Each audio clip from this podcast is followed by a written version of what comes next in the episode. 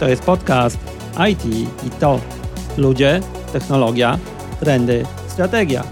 Podcast dla osób zajmujących się technologią zawodowo i hobbystycznie. Dowiesz się z niego o trendach technologii, poznasz ludzi, którzy zbudowali swoją karierę i rozwinęli firmy związane z technologią lub doradzają innym strategicznie w tym obszarze. Ten podcast pomoże Ci wybrać Twoją ścieżkę zawodową w świecie technologii. Pokażę, jak zbudowałem ją ja, jak budowali ją moi goście i jak możesz zrobić to Ty, czy to jako programista, konsultant, czy pracując niezależnie.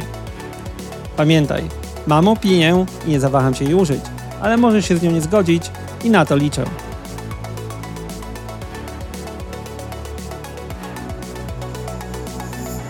Witaj w kolejnym odcinku podcastu IT i to. Ten podcast ma na celu pokazanie Ci podejścia do technologii, trendów, strategii i kariery w technologii na podstawie doświadczeń moich i moich gości. Ja nazywam się Tomek Onyszko jestem założycielem i CTO w Predika. Ten podcast to miejsce, gdzie przekazuję Ci nie tylko swoje spostrzeżenia, ale i opinie. Tak jak powtarzam, mam opinię i nie zawaham się jej użyć. Ty masz prawo się z nią nie zgodzić. Opinia to jedna z tych rzeczy, które możemy wymienić, a jednak nadal je zachować. I po tym wstępie jedziemy dalej. W tym odcinku, po kilku odcinkach skupionych bardziej na tematach dookoła kariery, wrócę do trendów w technologii. Nie tyle wrócę, co wsadzę kij w mrowisko, a raczej w kontener. Zobaczymy, jaki będzie Wasz odzew i opinie. Co do odzewu i tych opinii, to liczę na nie. Nagraj swoją wypowiedź z komentarzem lub pytaniem i wyślij do mnie na adres podcast.onyszko.com. Link będzie poniżej, ale pamiętaj, podcast.onyszko.com. W tym odcinku również wydarzenie. Na końcu mam właśnie takie pytanie i moją odpowiedź do słuchacza. Tym przypadku po raz pierwszy w wersji audio, więc jak się to mówi, zarówno pytanie, jak i odpowiedź będzie w wersji paszczą. Koniecznie zostań do końca i wysłuchaj. Pytanie nie jest odnośnie technologii. Myślę, że dotyczy wielu z Was. A teraz jedziemy z tematem głównym. Jeżeli słuchałeś mnie wcześniej lub widziałeś moje wypowiedzi w mediach społecznościowych czy na konferencjach, to możesz już wiedzieć, nie jestem fanem podejścia opartego o kontenery w długoterminowych trendach technologicznych. O tym, dlaczego tak jest i o dwóch trendach w technologii, jednym bliższym nam, a drugim dopiero na horyzoncie, będę Ci dzisiaj opowiadał. Więc po kolei kontenery i dlaczego myślę, że długoterminowo podejście oparte o infrastrukturę taką jak Kubernetes rozejdzie się po kościach.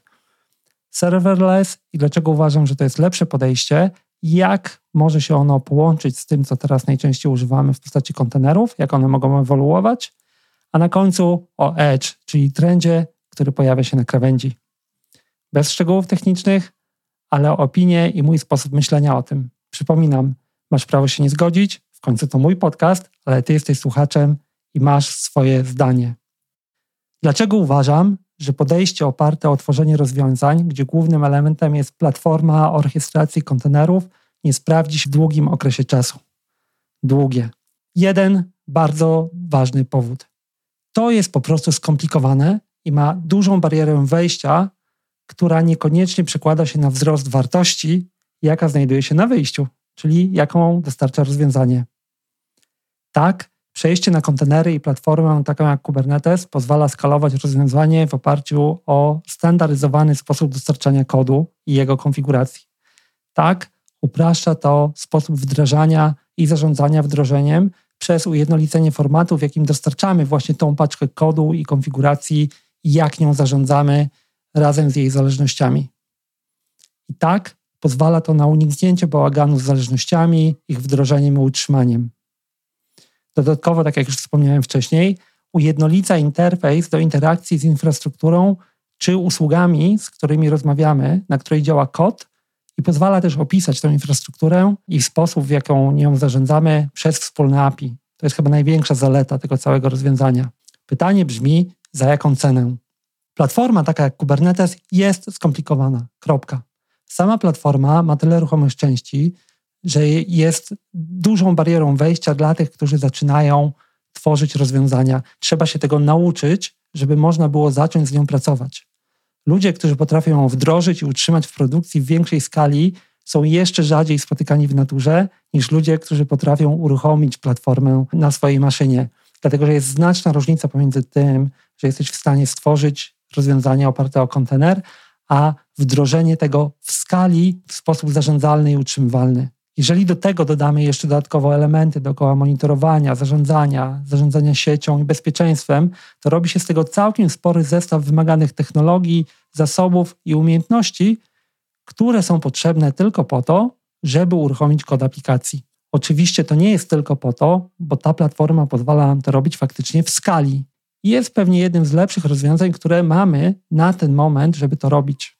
Ale teraz pytanie, czy z punktu widzenia użytkownika końcowego, a nawet użytkownika tak zwanego biznesowego, czyli właściciela tego kodu od strony tego, co ma on dostarczać, jest jakaś różnica, czy ten kod, który tworzymy, czy w ogóle aplikacja działa w pojedynczej maszynie wirtualnej, na klastrze Kubernetes, czy jest to po prostu kontener z tym kodem, z aplikacją podpięty pod wywołanie aplikacji działającej w PaaS czy w funkcji serverless?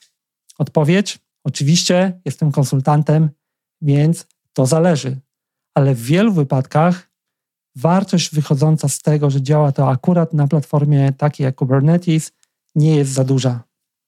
Oczywiście jest to kwestia skali, kosztów, istniejących praktyk dookoła wytwarzania oprogramowania i wdrożenia. Na pewno dzięki temu, że zestandaryzowaliśmy tak naprawdę format dostarczania oprogramowania, możemy to robić szybciej i efektywniej.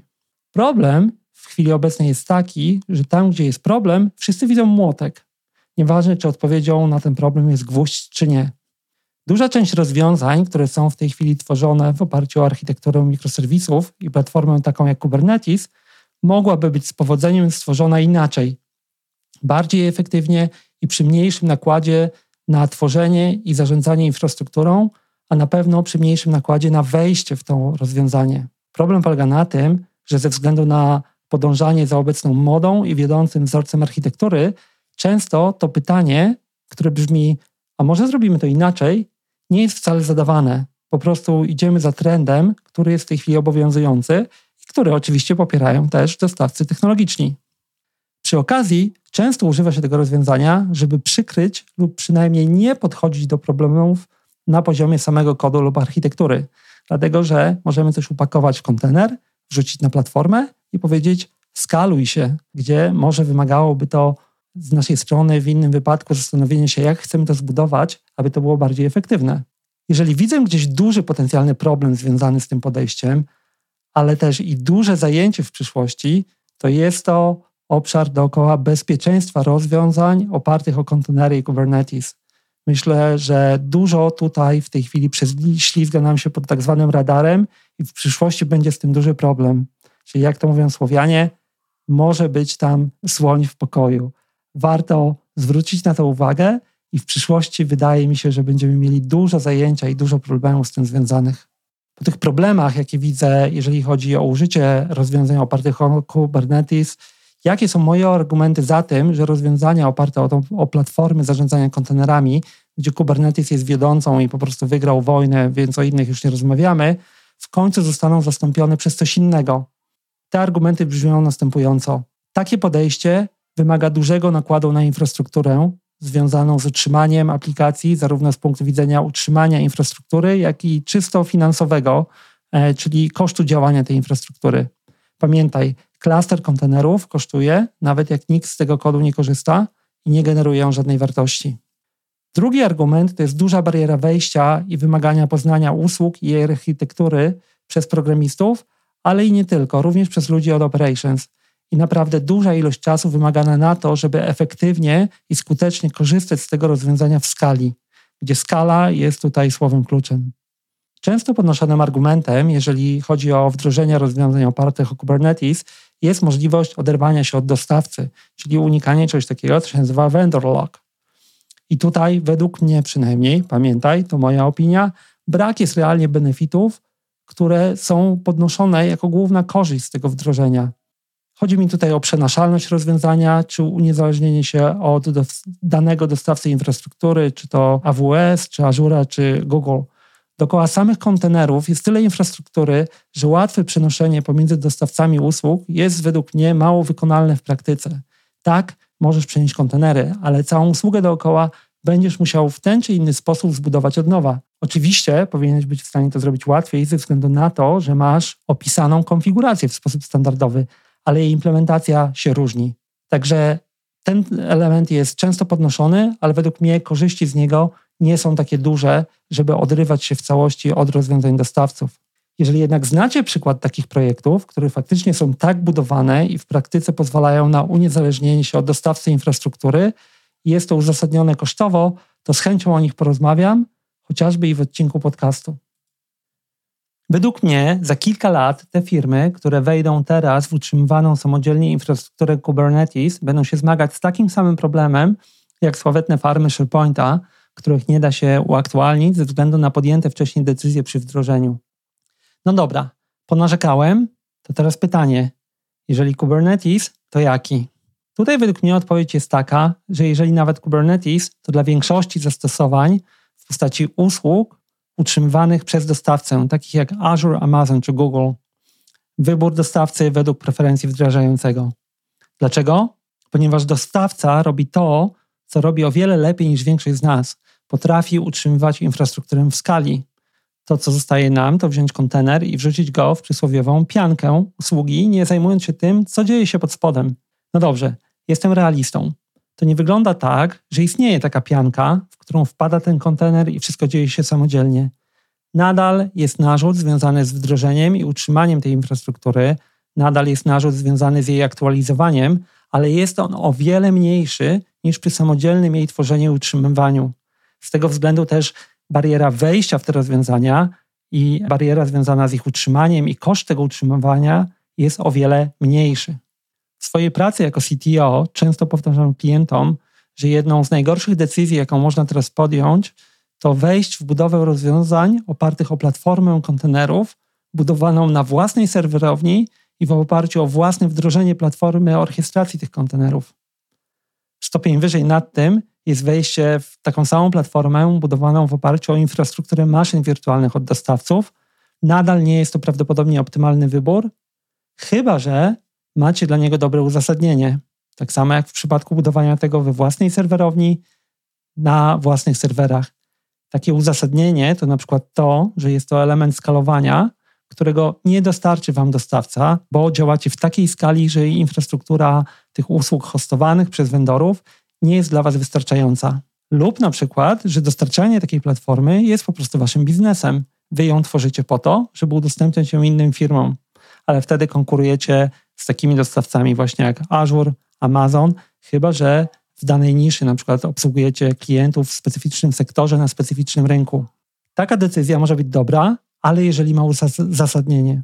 To, co ja obserwuję, to to, że albo tego uzasadnienia nie ma, albo nie prowadzi się w ogóle dyskusji na ten temat. Na pewno warto poznać dobrze technologię, jej zalety i wady, żeby podjąć tutaj dobrą decyzję na podstawie czegoś innego niż tylko to, co mówi w danym miejscu, w danym momencie w czasie ulica. Dobrą okazją, żeby taką wiedzę nabyć, była odbywająca się w tym tygodniu konferencja. To nie jest wypowiedź sponsorowana, organizowana online przez Piotrka Gutka i Łukasza z ekipy Poznań Kubernetes. Link do zarówno platformy Poznań Kubernetes, jak i konferencji Architektura i kontenery zamieszczę w notatkach pod odcinkiem. Tam znajdziecie kilka ciekawych sesji, które ja sam obejrzałem, dotyczących właśnie architektury e, i podejścia e, do tworzenia rozwiązań na tej platformie. To o kontenerach. A jeżeli nie usługi orkiestracji kontenerów, to co? Co będzie tym rozwiązaniem, które będzie wygrywało w długim okresie czasu, według mojej opinii? I tutaj pojawia się magiczne słowo serverless, które niektórzy już mogli słyszeć ode mnie wcześniej lub czytać w artykułach i wypowiedziach, których udzielałem. Na początku zdefiniujmy sobie, co ja rozumiem przez serverless. Serverless to sposób tworzenia aplikacji w taki sposób, że nie ponosimy kosztu jej działania i nie utrzymujemy niepotrzebnej infrastruktury w chwili, gdy ona nie pracuje. Oczywiście zawsze będą elementy takie jak koszt składowania danych czy przestrzeń pod składowanie baz danych, ale sama infrastruktura działa głównie wtedy, kiedy wykonuje kod, który realizuje daną funkcję biznesową. Najszybciej może kojarzycie to z takimi usługami jak Azure Functions czy AWS Lambda, ale to nie tylko. Są też bazy danych, takie jak Cosmos DB, e, czy z mojego podwórka usługi uwierzytelnienia, czy API Management. Te wszystkie usługi mogą działać w modelu serverless, co oznacza, że uruchamiają się wtedy, kiedy są potrzebne, w dużym uproszczeniu, nie wchodząc głęboko w szczegóły techniczne. Jaka jest zaleta tworzenia rozwiązań w podejściu opartym o serverless? To pomyślmy. Po pierwsze, typowo nie ma tam infrastruktury, którą trzeba konfigurować i utrzymywać. Wersje serverless rozwiązań opierają się głównie o usługi pozwalające wywołać kod lub zrealizować daną funkcję, np. bazę danową, w oparciu o zdarzenie lub bezpośrednie wywołanie tej usługi. Nie ma czegoś, co chodzi i czeka na otrzymanie tego, paląc nasze zasoby. Infrastruktura pod spodem głównie obsługiwana jest w tym wypadku przez dostawcę takiego jak Azure czy AWS. Po drugie, jest znacznie mniejszy narzut operacyjny wynikający z braku tej infrastruktury i sposobu, w jaki działa rozwiązanie. Skupiamy się głównie na tym, jak pisać kod, jak go wdrożyć i jakie funkcje on realizuje, pozostawiając większość zadań związanych z jego utrzymaniem dla dostawcy. Nie oznacza to, że tej pracy nie ma w ogóle, ale jest jej zdecydowanie mniej i takie rozwiązania mogą utrzymywać mniejsze zespoły z trochę innym zestawem umiejętności. Po trzecie, nie ponosimy kosztu działania i utrzymania całości, jeżeli rozwiązanie nie generuje wartości z danej aplikacji. Po prostu, jeżeli nie używamy, to nie płacimy lub płacimy bardzo mało. Teraz pytanie: jeżeli rozwiązanie, które nie działa, nie generuje kosztu, czy ono będzie zawsze tańsze? Odpowiedź znowu warta konsultanta: nie zawsze i to zależy bo przy odpowiedniej skali zapytań i obsługiwanych zdarzeń może się okazać, że rozwiązanie oparte o podejście serverless, jeżeli chodzi o sam koszt wywołania kodu, może być nawet droższe od podejścia opartego o utrzymywanie np. zestawu maszyn wirtualnych lub małego klastra kontenerów. W takim wypadku pytanie, czy kwestie operacyjne i utrzymaniowe oraz kwestie tego, jak szybko wdrażamy nowy kod i ile kosztuje nas napisanie tego kodu, równoważą nam koszt wynikający z samego działania infrastruktury. To trzeba zawsze przeliczyć. Tylko zauważcie jedną rzecz. Jesteśmy na innym poziomie dyskusji już w tym momencie. Nie dyskutujemy, czy Kubernetes, czy serverless, tylko rozmawiamy o tym, które rozwiązanie będzie dla nas lepsze w danym kontekście i realiach biznesowych. A to jest kompletnie inna rozmowa i możemy wtedy wybrać rozwiązanie na podstawie innych parametrów w sposób świadomy. To jeżeli serverless wygra, tak jak ja tutaj twierdzę, to dlaczego nie jest to podstawowe podejście i nie ma go dużo na rynku w projektach? Dlaczego nie ma dużo projektów serverless? Dlaczego nie ma zapytań o deweloperów serverless, a jest dużo zapytań o ludzi, którzy potrafią pisać w oparciu o kontenery, tworzyć rozwiązania w oparciu o architekturę opartą o kontenerach? Odpowiedź jest taka, że takie projekty już są. Pytanie, czy ich aktywnie szukacie i na nie spoglądajcie. Bo one są, ale jest ich mniej. Więc porozmawiajmy chwilę o tym, co jest obecnie przeszkodą w adopcji tego typu rozwiązań i dlaczego projektów typu serverless jest mniej na rynku. To jakie są te przeszkody czy e, powody, dla których adopcja w tej chwili jest wolniejsza? Główną przeszkodą jest to, że nie posiadamy dobrych wzorców tworzenia rozwiązań i dużego doświadczenia w tym zakresie w ramach naszej branży. Po prostu nie robiliśmy tego dużo wcześniej. To jest coś, co się zaczęło tworzyć od jakiegoś czasu. Dlatego jeżeli dochodzi do wyboru drogi do zbudowania nowej aplikacji lub zmiany obecnej, najczęściej wybór pada na to, co jest w tej chwili modne na rynku. A co jest modne na rynku? Kubernetes. Każdy chce spróbować, każdy chce mieć klaster na koncie, każdy chce móc powiedzieć, że zrobił rozwiązanie w architekturze mikroserwisów na platformie kontenerów. Jeżeli zadawalibyśmy sobie te pytania częściej pod tytułem ile nas będzie kosztowało uruchomienie tego, ile będzie nas kosztowało utrzymanie tego, jaka jest bariera wejścia, e, jaki będzie stosunek kosztu do e, wyniku działania aplikacji, może częściej wchodzilibyśmy w obszary inne niż tworzenie ciężkiej architektury usług. Drugi element związany z adopcją serverless jest taki, że nie mamy dobrych praktyk, które w przypadku tworzenia oprogramowania biorą pod uwagę koszt wytworzenia i utrzymywania w powiązaniu z wynikiem biznesowym, czyli ile kosztuje uzyskanie wartości z danego rozwiązania, ile kosztuje nas stworzenie danego projektu, jego utrzymanie versus wynik, który z niego mamy. W IT takie podejście nie jest w tej chwili popularne. Nie mamy tak naprawdę dobrych praktyk wiążących nam to w postaci metryk, KPI czy jakiegokolwiek innego sposobu wiążącego wejście w postaci rozwiązania z wyjściem w postaci zrealizowanej wartości. Takie praktyki się dopiero tworzą i coraz częściej będą się pojawiać przy wyborze architektury czy technologii do tworzenia rozwiązania. Więc tak całkiem na marginesie, coś co nazywa się FinOps albo FinOps w architekturze rozwiązań może być coraz bardziej pożądaną profesją i zestawem umiejętności w branży IT. Nie namawiam, ale raczej zwracam delikatnie uwagę, że warto popatrzeć w tę stronę. Trzeci element, który widzę, jeżeli chodzi o adopcję rozwiązań serverless, łączy się z poprzednimi. To inercja w zespołach i podejściu do tworzenia rozwiązań. Tak mówię o nas, o branży. Po prostu lepiej zrobić to, gdzie ścieżka jest już utarta, gdzie wiemy jak działać i nikt nam za to głowy nie urwie, a przy okazji dobrze wiemy jak to robić. Podejście serverless wymaga przemyślenia architektury, wymaga przemyślenia wymagań bezpieczeństwa, wymagań operacyjnych i wszystkiego tego, co mamy dookoła naszej aplikacji. To wszystko będzie się tworzyć od nowa. Co więcej, to już się tworzy, ale mało kto z nas chce być tym pierwszym. A jednak bycie pierwszym ma swoje zalety. Jeżeli chcielibyście zapoznać się z wiadomościami na temat serverless, to polecam zapoznać się ze stroną serverless.com, czyli Serverless Framework, a na naszym polskim poletku e, informacje o tym szerzy m.in. Paweł Zubkiewicz na swojej stronie serverlesspolska.pl. Linki do zasobów podam poniżej w notkach do odcinka. Dużo informacji, jak i gotowe biblioteki rozwiązań znajdują się też na stronach vendorów, takich jak Azure czy AWS. Te linki też podlinkuję. I tam będziecie mogli zobaczyć, że są już gotowe wzorce, jak tworzyć rozwiązania w oparciu o serverless.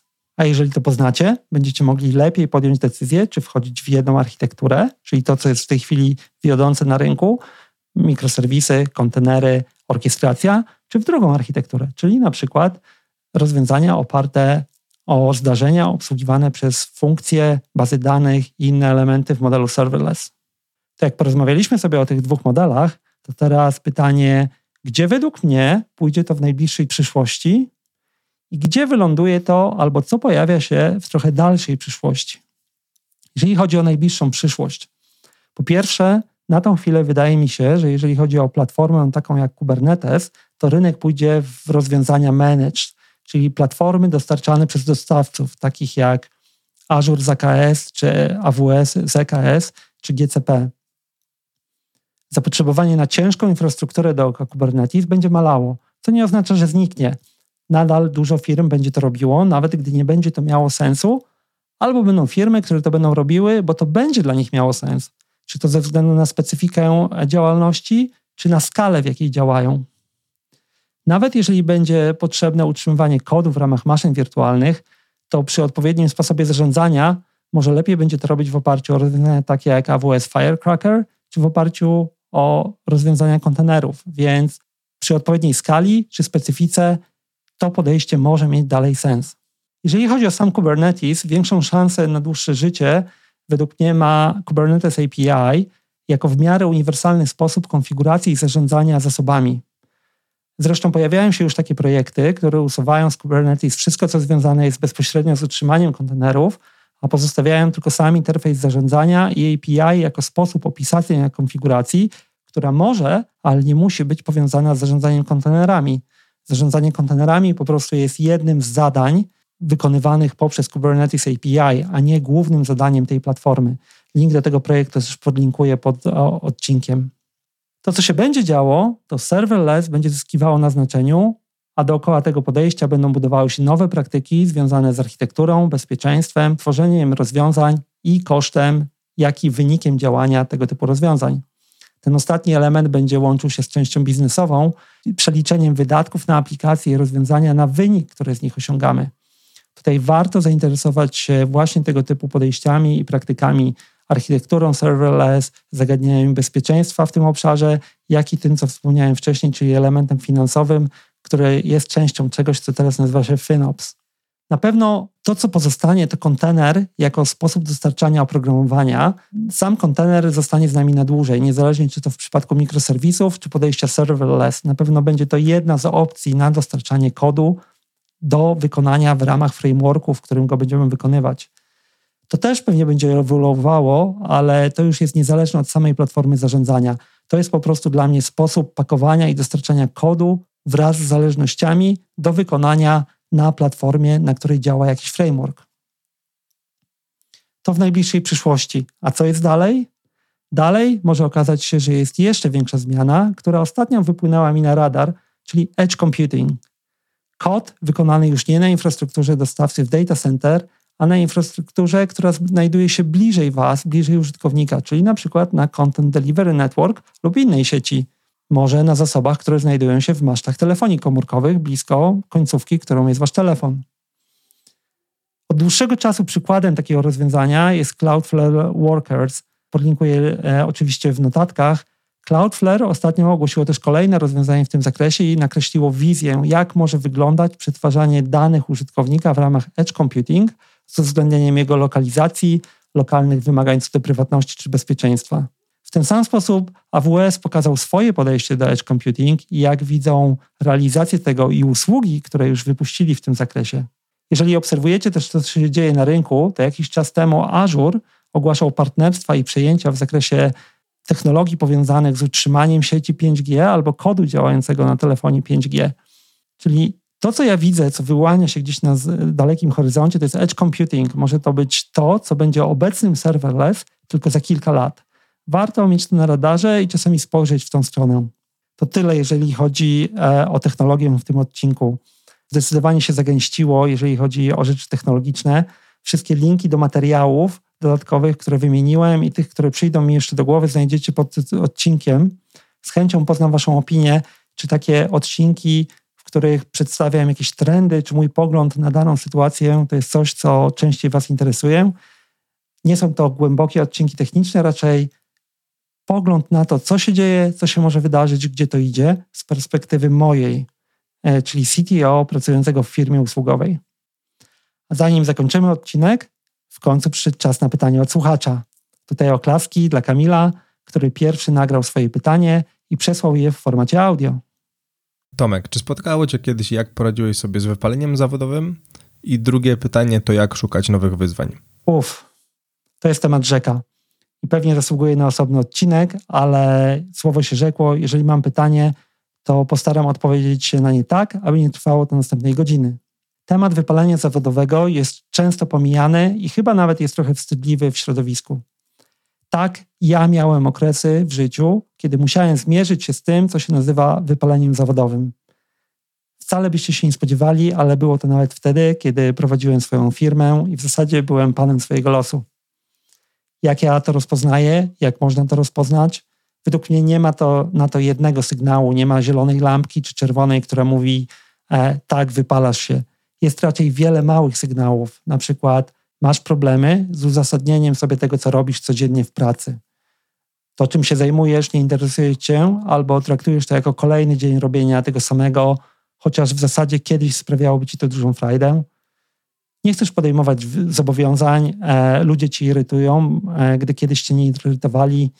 Masz problemy ze zmotywowaniem się do zrobienia czegoś, co od dawna powinieneś już zrobić i męczy cię to, że jeszcze tego nie zrobiłeś albo zaczynasz podchodzić do problemów i projektów rutynowo, chociaż kiedyś przyjrzałbyś się, czy nie ma tutaj czegoś indywidualnego i w zasadzie głębiej byś zajrzał w problem czy rozwiązanie, które proponujesz. A może jest nawet wręcz przeciwnie, nie masz tych objawów, o których powiedziałem, ale wstajesz rano i myślisz tylko o pracy, nie myślisz o innych rzeczach, nie przychodzi ci do głowy nic, co mógłbyś robić, oprócz tego, że pójdziesz do pracy czy zajmiesz się tym w domu. Tak czy inaczej, jeżeli myślisz nawet, że to, co odczuwasz, to może być coś na kształt wypalenia zawodowego, to mogę ze swojego doświadczenia powiedzieć, co możesz zrobić.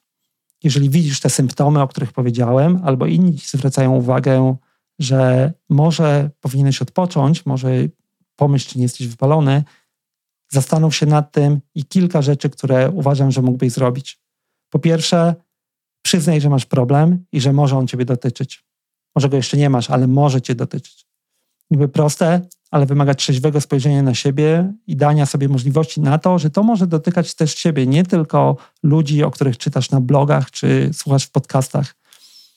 Bez tego faktu przyznania, że może masz problem i może powinieneś coś z tym zrobić, nic innego się nie wydarzy. Po drugie, nie zakładaj, że poradzisz sobie z tym sam. Idź i porozmawiaj o tym z kimś. Zapytaj się, czy on lub ona też przez to przechodzili to może być kolega z pracy, to może być przyjaciel, ale może, a nawet często lepiej jest, gdy jest to ktoś z zewnątrz. Łatwiej wtedy o szczerą i otwartą rozmowę o tym, co cię spotyka, skąd może to wynikać. Po trzecie, bardzo prosta rzecz. Wyśpij się. Serio. Wrzuć na luz, nie siedź w nocy, idź wcześniej spać. Nie nadganiaj, nie pędź za rozwojem, zrób sobie przerwę. Tydzień dobrego spania potrafi zrobić taką różnicę, że trudno jest w to uwierzyć. Przeważnie wypalenie wychodzi z tego, że bierzemy na siebie za dużo. To napędza taką spiralę, która w zasadzie tworzy się sama, a tak naprawdę to my ją sobie tworzymy. Wyśpij się, zacznij się ruszać w takim tempie, jak ci to odpowiada. Chodź, biegaj, jedź na rowerze, pograj w tenisa. Zobaczysz, jak ci to pomoże spojrzeć trzeźwo na sytuację i ocenić nawet, czy masz problem. Po czwarte, wrzuć na luz. To nie jest tak, że nie wyrabiasz się zadaniami. Że problem polega na tym, że za dużo ich bierzesz. Przeważnie sam sobie to wyznaczasz, ile ich chcesz wziąć. Czyli nie robisz więcej, dlatego że ktoś tego od ciebie oczekuje, tylko ty sam oczekujesz od siebie, że musisz tyle robić. To tworzy negatywną pętlę zwrotną, takie sprzężenie zwrotne. Im bardziej wrzucasz sobie rzeczy do zrobienia, tym gorzej się czujesz z tym, że ich nie zrobiłeś. Efekt wypalasz się. I piąte, najważniejsze, daj sobie czas. Odzyskanie sił nie przychodzi po tygodniu. Nawet gdy czujesz się lepiej, wziąłeś tydzień wolnego, wracasz do pracy, to nie znaczy, że to już jest po tym epizodzie. To jest proces. W tym czasie, kiedy dochodzisz do siebie, śpi, rób tyle, ile możesz, rozmawiaj z ludźmi o tym i obserwuj siebie. To na pewno pomoże. Wiem, co nie pomoże. Jeżeli znajdziesz się w takim miejscu, nie szukaj rozwiązania poprzez zmianę otoczenia w postaci na przykład zmiany miejsca pracy. Problemem przeważnie nie jest praca, tylko Twoje podejście do tego, jak działasz i ile na siebie bierzesz. Oczywiście jest taka możliwość, że jednak to jest praca. Jeżeli dochodzisz do wniosku, że to praca ze względu na otoczenie, wymagania lub tryb, w jakim ona się odbywa, to wtedy pomyśl, czy jej nie zmienić. Ale sama zmiana, bez zmiany tych wszystkich rzeczy, o których mówiłem wcześniej, dużo ci nie pomoże. I to chyba wszystko z tego, co ja robię, żeby poradzić sobie z wypaleniem, gdy je zaobserwuję. A od czasu, jak przeszedłem taki okres, obserwuję siebie i staram się dbać o te kilka elementów, które wymieniłem w sposób ciągły, żeby po prostu nie wypalić się ponownie. Kamil, to było bardzo dobre pytanie. Czekam na więcej. Do Was wszystkich również czekam na Wasze pytania. Przysyłajcie je na adres podcast.onyszko.com, tak samo jak Wasze komentarze i uwagi, albo propozycje gości, z którymi chcielibyście, żebym porozmawiał. Takie e-maile też w tej chwili otrzymuję i bardzo za nie dziękuję. To był tym razem gęsty i techniczny, nastroszony odcinek IT i to. Zapraszam Was na kolejny w przyszłym tygodniu, a w międzyczasie, jeżeli jeszcze tego nie zrobiliście, kliknijcie łapkę, gwiazdkę czy inne miejsce na Waszej platformie, które pozwoli się Wam zapisać do tego podcastu i słuchać kolejnych odcinków, które ja przygotowuję dla Was. Do usłyszenia.